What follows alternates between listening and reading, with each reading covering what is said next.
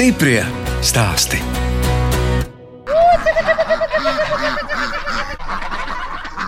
Mēs nopirkam šo māju, un man uzdāvināja kazu.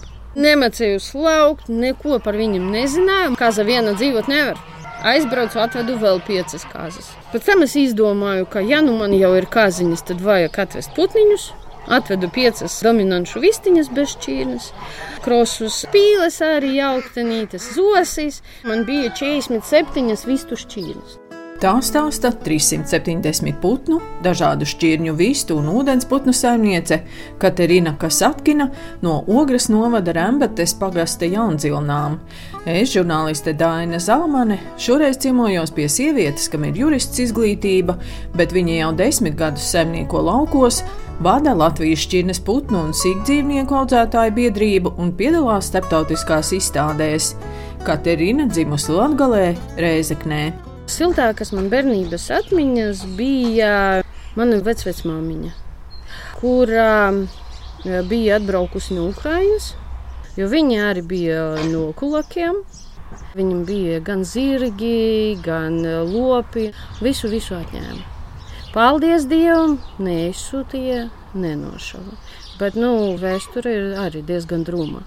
Viņam atņēma, un manu tēvu rādījumu arī atņēma. Viņš ir vecticībnieks. Viņa dzīvoja netālu no Rezeknes. Bija miesti tādi, jā, kur dzīvoja vecticībnieki. Audzēja lopus, tirgoja graudus, rīktīgi zemnieki. Kad visu atņēma, tēva tētis pārvācās uz Rezekni, aizgāja algotu darbu. Kādā rūpnīcā? Uh, jā, bezizējas situācija. Ko tu darīsi laukos, ja tev visu atņēma? Ar kolhozu tu skatoties uz to visu, gribās raudāt. Cik daudz lopi krituši un kādos apstākļos viņi dzīvojuši, tāpēc ka nav saimnieka. Kad nav saimnieka, kad viss visiem pieder, nepieder nevienam.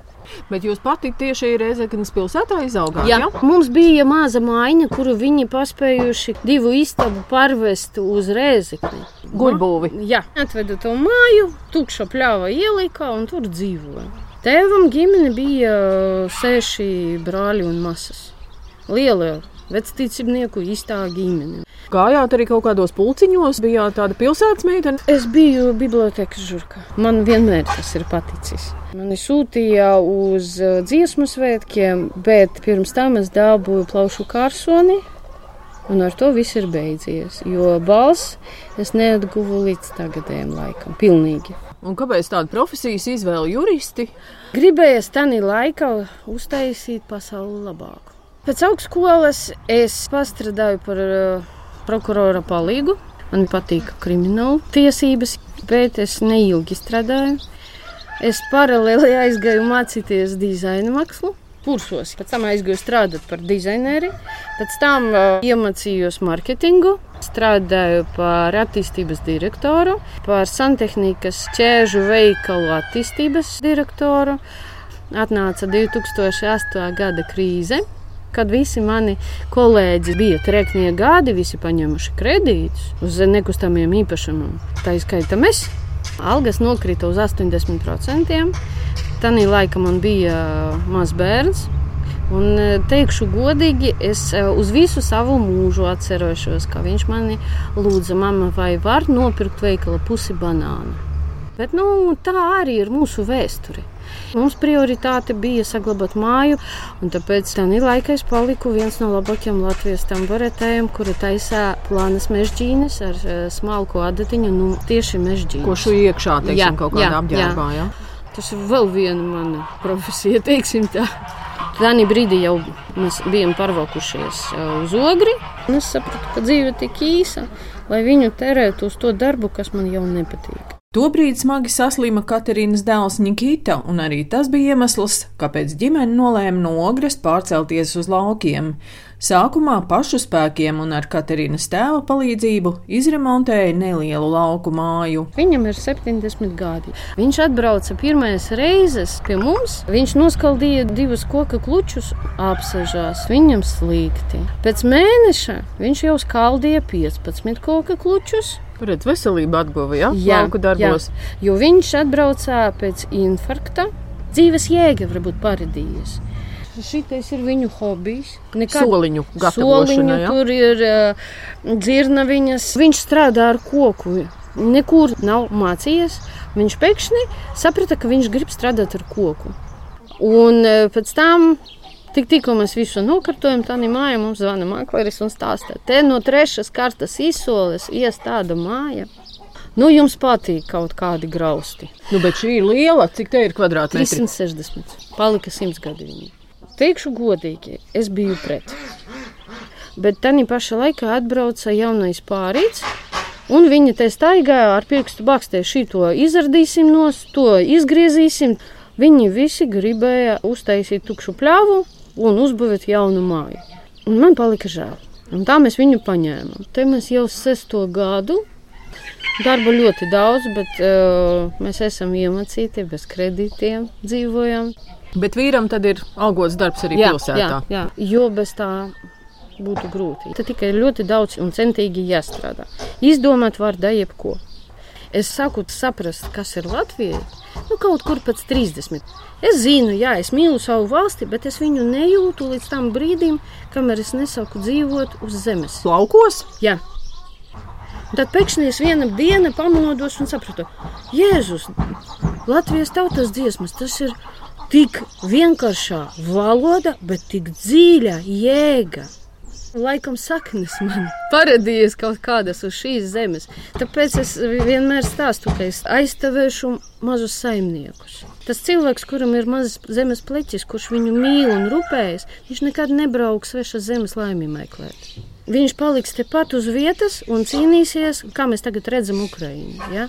Kas jūs pat esat pēc tautības? Divas eh, ceturdaļas krieviete, pēc tam ukrainiete un ebreite. es savācu visu, ko es varēju.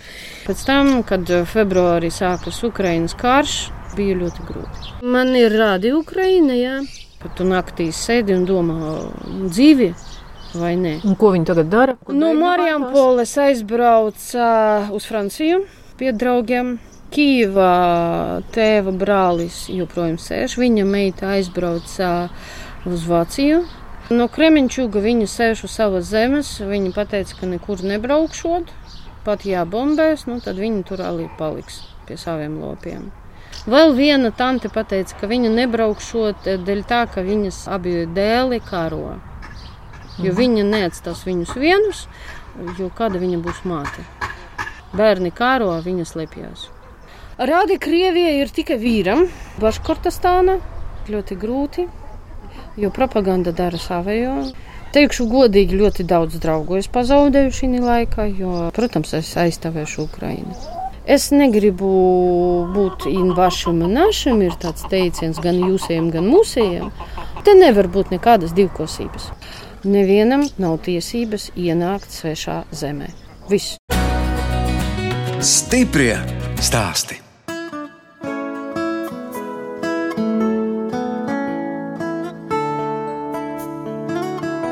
Jūs klausāties raidījuma stipri stāstī. Šoreiz ciemojos nelielā, desmit hektārus lielā saimniecībā pie septiņu aitu, četru kazu un 370 dažādu šķirņu putnu saimnieces Katerinas Kasatkinas Ogres novada Rembatas pagastā.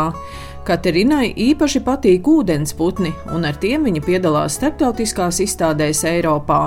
Man patīk viņu temperaments, Zos ir cēla putns, jā, lielākoties, bet jo smalkāka šķirne, jo tramīgāks putns. Jums te dīķīts ir kaut kur? Nē, putniem? mēs no? esam sauszemes. Mums visur ir ieraktas cementa vaniņas, un viņi tur peldējas. Un man īstenībā nepatīk dīķi. Vodens putni nav pārāk tīrs. Lopiņš. Tas ūdens paliek par baktēriju pavairotāju. Vieglāk ir nomainīt tajās jā, bļodās. Es mainu ja? divas reizes dienā bļodas, ūdens ir svaigs, baktērijas nevērojas, putns veselīgāks. Pēc tam, ja man ir dīķis, mums te apkārt ir lapsas, es nevarētu noķert tos putnus. Viņi sēdētu dīķi un pa naktī lapsa viņus atlasītu. Tā es varu kontrolēt, kad viņi ies gulēt. Es e, ūdenim varu pieliet klāt vitamīnčiku kaut kādu vai attarpošanas līdzekli, lai viņi pie reizes saņemtu kaut kādu papildus labumu. Ļoti reti tagad ir tā, ka laukos tomēr ļauj tiem putniem tā brīvi staigāt pa pagalmu. Man patīk. Nu, bet kā viņas ar tām puķiem sadzīvo? Puķis visas ir paceltas. À, lai netiek klāt. Jā, Ja? zosis vispār ļoti gudras putnas. Es varu viņus pielīdzināt suņiem. Ja cilvēks kaut vienu reizi ir viņus iesitījis, viņi iegaumēs uz visu mūžu. Viņas ļoti viltīgas. Man bija puisīts, kuram ļoti patika citas šķirnes meitene. Viņš iemācījās krampjus taisīt vaļā. Viņš attaisā krampīti, uh, izlaida to meiteni un aiziet kaut kur tālumā, kur es viņus neredzu. Šie putni man bija Tulūzas zosīs. Tās tās paliek brūnās, jā? Jā, pagājušajā gadā uh, viņi apceļoja pusē Eiropas. Tālākais viņi bija Slovākijas izstāde. vispār neredzēti tādi skaisti oranži knābīši. Pa Latviju esmu vienīgais putnukopējs, kurš ir pazīstams kā putnu audzētājs Eiropā. Jo es piedalos starptautiskajās izstādēs ar saviem putniem. Jā, mums ir balvas, mums ir labi vērtējumi. Mēs Kāpēc ir svarīgas tās izstādes? šķirne, ka tāda arī ir uh, nemantiska vērtība.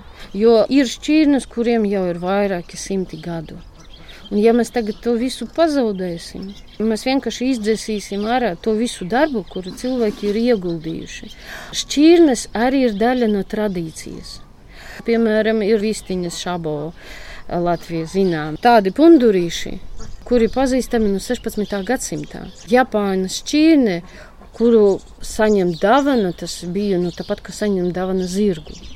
Jo viņus audzēja tieši imperatoriem, putnu dārziem, un vērtība tam putnam bija kolosāla. Karaliene mūsu atnāca. Kas tā tāda ir? Kāds viņai ir tas kakliņš, galīgi sarkans, tā kā kāds būtu visas Jā, spalvas tā, norāvis. tā ir pundura plikaklīte. Un tik maziņa. Jā, no visam šīm šķīrnēm, kas te staigā, ir labāka imunitāte. Visi domā, ka viņi baigi slimos mūsu reģionā, bet um, viņam ir savāda kādas struktūra, tur, kur plikais kakls. Viņi dēļ diezgan lielas olas priekš tādas mazas Un šī tā izstāsta, tā kā viņai asti kāds būtu izplūcis, bet droši vien kā asti 16. nemaz nav. Nav. Re, kur vēl viena? Tie saucas araukāna. Nākuši no Čīles. Un saknes viņiem šķirnei atrodami 16. gadsimtā.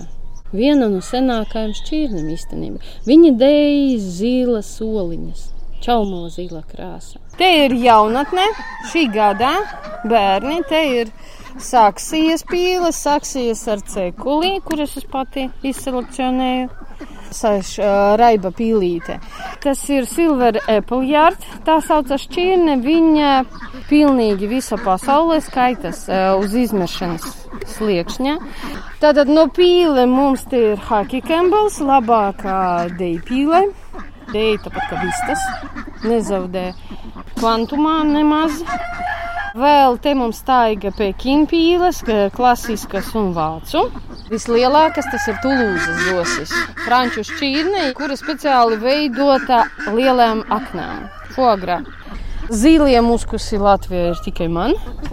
No vīstam rekur stāv raibais, tas ir uh, Suseksā, Britu šķirne, arī diezgan veca. Gaļa solu šķirne skaitās. Man patīk, ka viņas arī ir ļoti mierīgas. Tur staigā um, faverole. Pukainām kājām, Jā, tā, jā. ar pieciem pirkstiem. Faverole pēc leģendas tika izgudrota Napoleonam, jo viņam nepatika vistuves gaļa. Un viņam taisīja speciālu šķirni, kura viņam varētu iepatikties. Un tā bija faverola, viena no garšīgākajām vistu šķirnēm pasaulē. Un ir garšīga. Ir. Jūs tad esat tā audzētāji, kas tomēr ēd arī visu? Jā, mēs ēdam. Jo es uzskatu, ka es zinu, ko viņi ir ēduši, ka tas ir veselīgi. Tēviņus liek zupas katlā. Jā, jā mēs viņus sautējam, mēs taisām desas. Ļoti garšīgi kupāti sanāk, ļoti garšīgas kotletes. Vitinātu gaļu mēs taisījām no pīlēm ļoti garšīgi, starp citu. Vitināta zosa garšīga. Šitais ir mans Filips. Viņš ir zos, kurš uzvedas kā kaķis. Viņam patīk sēdēt klēpī, gulēt man uz kājām. Vēl spāvas nav. Tiem Jā. mazie bērniši, un viņi dzīvo atsevišķi, lai viņus neviens neapbižotu. Te mums uh, dzīvo mamma, kura pērē, tāpēc viņa ir aploka. Ja? Šitas divas ģimenes, viņas viens otru ciest nevar. Te divi teviņi, tāpēc viņi staigā no rīta līdz pusdienam staigā šī ģimene, pēc tam ies tā. Vai kāda jums te ņemšanās, vai ne? Ko darīt? Šītos es selekcionēju pati, tie ir Jokohamas.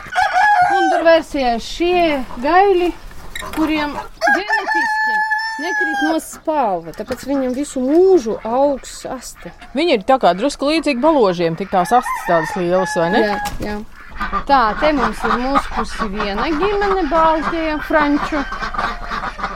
Tur mums ir šitais saucas riekstkrāša, jo viņam divas krāsas kopā - zilais apakšā, lilīgais un šokolādes pa virsmu. Tā otra, cik skaista, riktīgi šokolādes. Jā. Man viņa uzvedība ļoti patīk. Jo muskus spīles genetiski atšķirās eh, no visam pārējiem pīlēm. Tāpēc viņu krosī, ja viņš savienosies ar kādu citu šķirni, būs neauglīgs. Kāpēc viņš tā to galvu krata? Viņš atbaida jūs. Viņa meitene blakus stāv, viņš sargā. Tiem būrīšiem arī ir, nu, mēs varētu teikt, tā kā maskēšanās tīkls. Tie arī ir maskēšanas Ir, jā? tīkli. Jā. Mums te blakus ir līdlaukums. Jā, viņi viņus norakstā, bet man patīk, ka viņi taisa ēnu. Jā, lai putniem nav visu Jā. laiku saulē jābūt. Jo saules tā arī iet tam cauri, bet te pašā laikā ir ēna. Mhm. Un viņam nav par kārstību. Un kas šis tāds ir? Tas Tā ir zos. homohors. Kāda viņam pakakle? Jā, reku viņa sieva. Redziet, mums ir Jā. Traģēdija. Sieva dzīvo ar bērniem atsevišķi, jo te viņš pārāk smags vai var uzkāpt sīkiem. Tāpēc viņš sauc viņu atpakaļ. Neapmierināts. Jā, bet viņa ļoti laba mamma. Tāda, pat suņiem brūc visu. Sarga savus bērnus. Katerina Kasatkina vada arī vienu no piecām putnkopības biedrībām Latvijā, kurā ir 35 biedri. Šogad mums bija mērķis aizstāvēt mazas saimniecības, lai tās eh, likums par putnkopības karantīnu putnu gripas laikā nebūtu tik drausmīgs. Pat četras biedrības kopā pārakstīja vēstuli mūsu ministrijai ar savām domām. un mums- Ņēma vērā? Jā, tas ir ļoti labi, jo sakotnējais likums projekts bija dramatisks. Un es pat redzētu, ka puse vienkārši izkautu putnus. Pirms tam bija Covid.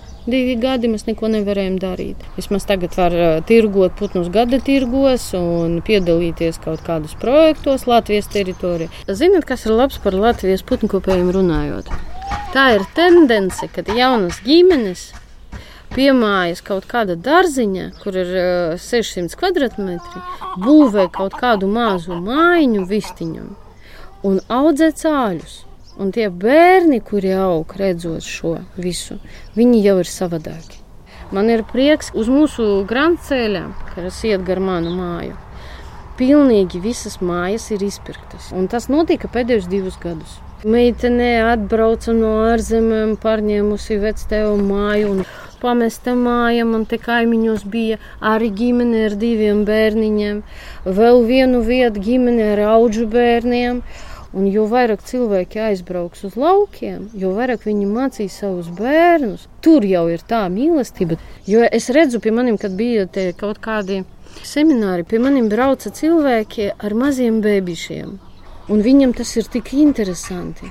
Kad es eh, rādu, kā nopirkt vistu, lai nu, netrapītos slimā, ja ja jūs pieaugušo putnu pērkāt. Tie bērni skatās, mmm, točnā, ot es tagad iegaumēšu. Un pēc tam man zvana kolēģi, un viņa stāsta, viņš bija pie vecmāmiņas un rādīja, kā vajag pārbaudīt, vai viss ir vesela. Bērnam divi gadi, viņš visu stāsta. Un tie bērni brauc, un uh, viņi biznesus jaunus taisa. Viens tur taisa sierus, otrs taisa mēdutiņu, trešais vāc ābolus, ceturtais spiež sūlas. Un man tas patīk. Man šķiet, ka tas ir cerība.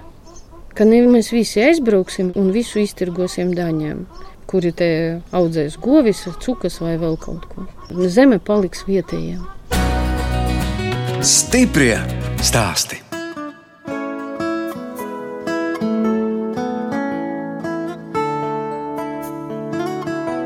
Jūs klausāties raidījumu stipri stāstī. Turpinot ciemoties pie putnu audzētājas Katerinas Kasatkinas, Ogres novada Rembates pagasta jaundzilnās. Putni nav vienīgā viņas aizraušanās. Katerina man pacienā ar pašas gatavotu pieneņu medu un cienastu pasniedz Anglijā ražotos zili baltos traukos ar ķīniešu motīviem. Interese par senlaicīgiem traukiem radusies, skatoties vēsturisku britu seriālu. Angļu karaliene Viktorija, tas laiks, nu viņš tāds interesants. Tieši tur industriālā revolūcija jau sākās.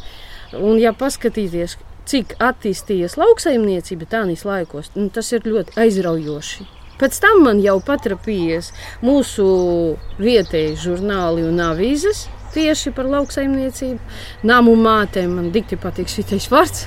Un pēc tam tu salīdzini, kā mums tas viss process gāja. Un tas ir tik interesanti, ka tu attaisi vaļu žurnālu kaut kādu 30. gados. Tur ir tāda pati kaut kāda mašīna, kur es redzēju Britu seriālu. Jums ir kaut kāds noteikts vēstures posms, par kuru jūs interesējaties? Tas ir uh, no 20. līdz 45. pagājušā gadsimta. Jā. Šitais periods Latvijas vēsturē man šķiet viskaistākais. Līdz otram pasaules karam tas ir Latvijas uzplaukums, kā viņa attīstījies, cik straujiem tempiem, ja mēs paskatāmies statistiku, mani pārņem lepnība. Patriotisms nav tikai ar karodziņu paskriet. Patriotisms ir zināt savas dzimtenes vēsturi. Katerinas sociālajā vietnē Facebook šobrīd veido projektu Kara laika periodika. Viņa atzīst, ka kara laika padomi noder arī šodien. Kara laikā bija tāds periods, kad graudi gandrīz vai Latvijas teritorijā nebija. Jo Krievi, kad gāja prom, viņu vagoniem visu izveda, un vācieši ieveda atpakaļ lopus cilvēkiem atzima Latvijas lauksaimniecība tieši mazo. Jā, tur bija savi nodokļi, tur vienai vistai bija jānodod 80 olas gadā valstī, viss, kas pāri, tas ir tev. Un viņi rakstīja tādas brošūras, kur bija aprakstīts, kā var izbarot vistas bez graudiem, nezaudējot dejību. Un tā pakāpeniski tas parauga uz kaut kādam vecu laiku receptēm, kaut kādam tur mazgašanas līdzekļiem, zaļumtējiem. Cilvēki zem kaut kādiem rakstiem saka dalīties. A mana vecmamiņa darīja šitā, a es pati daru tā. Ne tāpēc, ka mēs visi esam tik nabagi, bet tāpēc, ka tā atzīst maisaimniecības vēsture. Un tas ir tik interesanti. Jūs kolekcionējat arī ar rokām izšūtus galdautus. Jā, arī nejauši manai draudzene nomira vecmāmiņa. Viņai bija galdauti jau norusējuši, viņus visi gribēja izmest. Es viņus dabūju, Es viņus restaurēju, pakāpeniski man sāka davināt. Jums te vesela senlietu kolekcija varētu sanākt. Man bija tāda doma, kādreiz uztaisīt šīs mājas, kur man laiku rezervāts. Jo man patīk Nu, Gan drīz viss, kas bija tajā laikos. Tie izšuvumi ar kaut kādiem sakuma vārdiem, trauki. Tas viss man šķiet tik trausls. Mēs tik ātri to visu varam pazaudēt. Protams, es nezinu, kam tas viss paliks. Man ar bērnu tādu norunāja, kad es nomiršu. Ja viņam tas nekas nebūs vajadzīgs, viņš visu to nodos Latvijas Vēstures muzejam. Pilnīgi visu kolekciju, grāmatas, izšuvumi, trauki, viss aizies uz turieni lai tas uh, dzīvotu tālāk. Katerina Kasatkina vēl stāsta par dēlu Nikitu un vīru Andreju. Viņš nodarbojas ar mēbelēm. Viņš strādā algotu darbu, viena mebeļu ražošana, viņa taisa mebeles skolām, slimnīcām. Bet varu teikt, ka pamazām viņš arī iesaistās manā dzīvē. Viņš brauka man līdzi visur. Viņam jau ir starp putnkopējiem arī paziņas. Viņš jau veic ekskursijas, kad mums te ir ekskursijas. Viņš zina, kādas šķirnes, ar ko atšķirās. Un kā tad iet jūsu dēliņam? Viņš mācās uz masieri. Rīgas medicīniskā koledža, paralēli viņš mācās netradicionālas masāžas. Viņam patīk būt brīvam. Es tagad arī nevarētu strādāt pa stundām. Jā, man te sanāk 14 stundas dienā. Protams, algota darba tas būtu 8, bet es jau nevarētu. Brīvība! Un viņam arī tas pats. Viņš jau pats domā, kad, ko un cik lielā apjomā. Ko jums patīk kopā visiem darīt? Mums kopā patīk ar zosim visiem nodarboties. Tas ir vienīgais putns, kas patīk visiem. Man patīk visi, bet uh, puikam maniem abiem diviem patīk tikai zosis. Tāpēc, ka lieli cēli ar viņu var pakomunicēt. Un man te dēls periodiski apsēž pagalmu ar vīdu, apberas apkārt ar graudiem. Viņa staiga šitais smaida. Laimīgs bērns! Katerīna stāsta, lai arī viņas saimniecība nav liela, daudz ko izaudzēja paši un tagad domā par saules baterijām. Nu, elektrība palika pēdējais. Nu, protams, benzīnu mēs nevaram ražot, bet izņemot izstādes, tā arī nekur īpaši nebraucu. Tā kā graudus man pieved klāt. Dārzeņi ir, augļi ir, sūlas mēs spiežam paši, tējas mēs vācam paši, sīrupus mēs taisam paši. Es atļauju uz savas teritorijas ielikt bišu stropu, par to man dod vienu litru mēdu gadā. Šogad mēs iestādījām atstēku cukura augu, kurš aizvieto cukuru, un es iestādīju cukurbiedus. Tā kā mēģināsim dabūt savu cukuru. Putniem mēs audzējām lobarības bietas, lobarības burkānus, mēs audzējām kaņepes, pupiņas un kartupeļu, protams. Šogad es iestādīju krasainos kartupeļus. Bet es dabūju šogad tikai lilā, būs beržerāks nedaudz. Iestādīju fenheļus, ārsniecības portulākā, kliņģerītes, kumelītes ārsnieciskas, astoņas šķirnes ar metram, kliņšutējas. Tik kafija veikalā jāpērk, vai ne?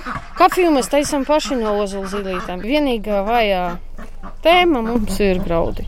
Kaut es viņus mēģināšu aizvietot ar pupām un ar kaņepēm.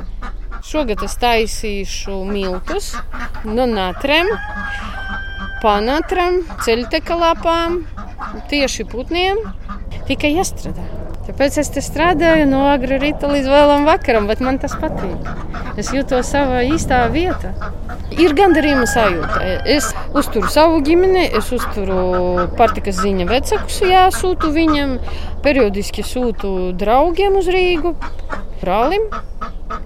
Un mūsu maza ferma īstenībā pašpietiekama pārtikas ziņa. Visu, ko mēs pērkam no veikala, tie ir milti un uh, kaut kādus putros. Manam kaimiņam, kurš audzē gaļas teļus, es viņam atdodu, piemēram, savu sienu, kas man liekas, paliek. Viņš man atdod gaļu. Ceturdaļas no teļa gadam pietiek. Mēs visu par barteriem. Man bija vislabākais tas ir zobārsta vizīte pret uh, dārzeņiem veselu kravu viņam atveda. Ja es kaut ko nevaru izaudzēt, nu, tad es varu kaut ko uztamburēt, uzadīt ziemā, ja man ir rādama mašīna. Un pa ziemu es ādu man kaut ko dod pretī. Īstenībā tas ir ļoti labs variants, ka mēs nesponsorējam starpniekus. Pats galvenais, ka tie cilvēki, ar kuriem tu sadarbojies, ir tikpat laimīgi kā tu. Un tā ir harmonija, tā ir kaut kāda iedzīga dzīve. Tāpēc es aizgāju no oficiāla. Jo es pēkšņi sapratu, ka dzīve ir tik īsa. Es negribu viņu terēt uz kaut ko, kas iet pretī manam domam. Un dzīvot vajag uz pilnu spāru, kad tu jūties, jā, tu strādā, bet tai pašā laikā tā ir gandarījuma sajūta. Tie bērnu smaidiņi, kuri atnāca pačamdīt siltu oliņu vai paturēt rokas zoslēni. Pat lielākais gandarījums ir no tiem smaidiem, kad pieaugušais cilvēks Ja vīrietis ir ceļšķi, paņem rokas vistiņu un saka, smaidīt. Tā kā mazais bērns, tad tu jūties, ka tu dzīvo īstu dzīvi, ka viņa ir jēga. Ka tas cilvēks tagad aizbrauks no tevīm, bišku samainījies savā uzskatā. Viņš redzēs visu ne starp prizmu, kā nauda, peļņa, kaut kādas mantas. Mazs saimnieks ir Latvijas lepnums.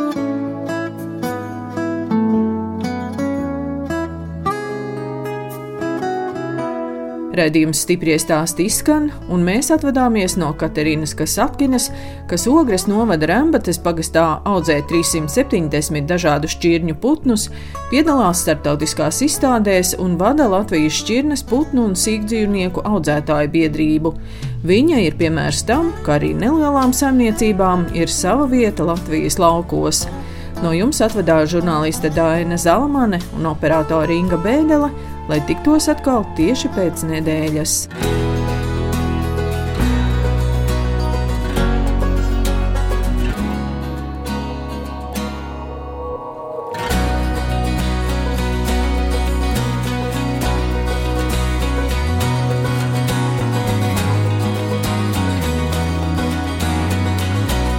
Stiprie stāsti.